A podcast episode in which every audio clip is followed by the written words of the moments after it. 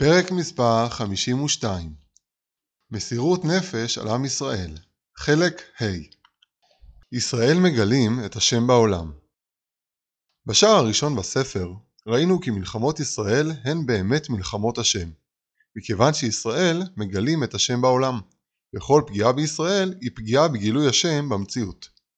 נאמר בנבואת ישעיהו ואתם עדיי נאום השם ואני אל אומר על כך רבי שמעון בר יוחאי אם אתם עדיי נאום השם, אני אל, ואם אין אתם עדיי, כביכול אין אני אל. עם ישראל מעיד על מציאות השם בעולם, וכל פגיעה בעם ישראל היא פגיעה בעדות על קיום השם.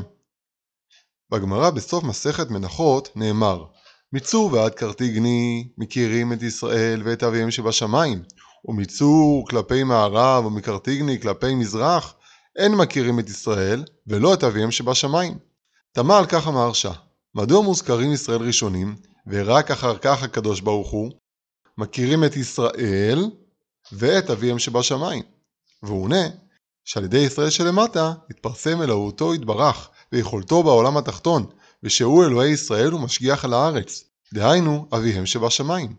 ואילו מצור כלפי מערב, כיוון דאין מכירין את ישראל, אין מכירים אביהם שבשמיים.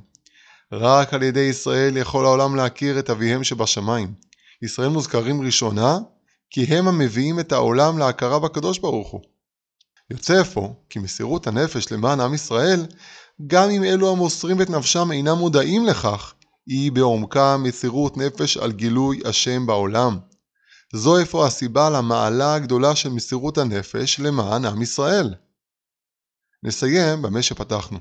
ודאי שאין לנו לשאול על זכויותיו של כלל ישראל.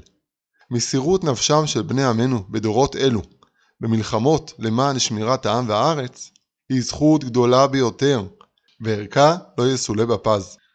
מתוך כך עולה ומתבהר ערכו של צה"ל, ומתגלה מעלתם הגדולה של חייליו, המוסרים את נפשם למען ישראל יום-יום, שעה-שעה, ובכך מאפשרים לעם ישראל להעיד על השם בעולם.